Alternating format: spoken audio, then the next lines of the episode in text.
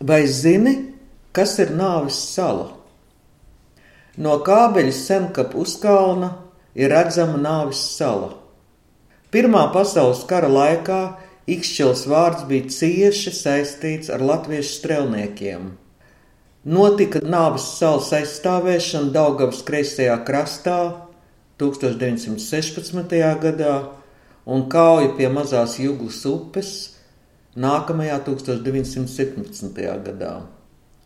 Ikšķelē pretējā Daugavas krastā tātad atrodas Nāvis sala, kur no 1915. līdz 17. gadam tika aizstāvēts apmēram divus kvadrātkilometrus liels Krievijas armijas placdarms, kas tobrīd bija pussala, bet mūsu dienās tik tiešām ir sala. Nāves salā ir uzcelts piemineklis varonīgajiem latviešu strelniekiem. To 1924. gadā atklāja toreizējais Latvijas prezidents Jānis Čakste. Nāves salā krituši 75 latviešu strēlnieki, 45 krievu karavīri, un viņi visi ir apbedīti Ikšķils kapsētā.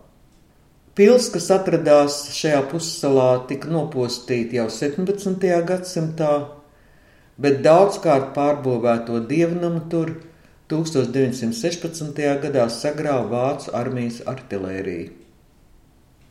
No 1915. līdz 17. gadam Krievijas armijas pusloka formas aizsardzības pozīcijas bija apmēram 3 km garumā un pusotra kilometra dziļumā, pussalā iekšā. Ar aizmuguri tas piekļāvās Daugavai, veidojot salu starp Vācijas armijas pozīcijām un Daugavu.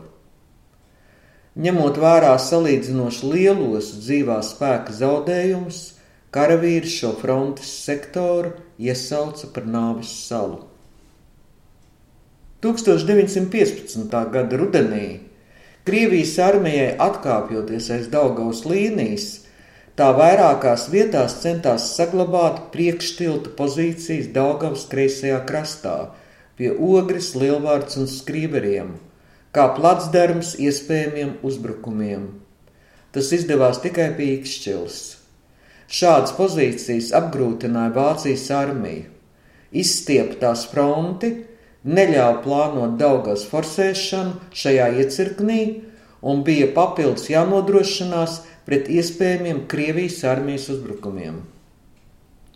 Rīgas hidroelektrostacijas būvniecības rezultātā Pirmā pasaules kara pozīcijas daļēji tika apludinātas, izveidojot salu Daugavā apmēram 2,5 km no Ikšķeles. 2005. gadā 3. septembrī pie Tīnoša pamatskolas tika atklāts tēlnieka Jāņa Karlo veidotais piemineklis Varoņu altāris. Tas ir veltīts latviešu strelnieku kaujām pie mazās juglas Pirmā pasaules kara laikā.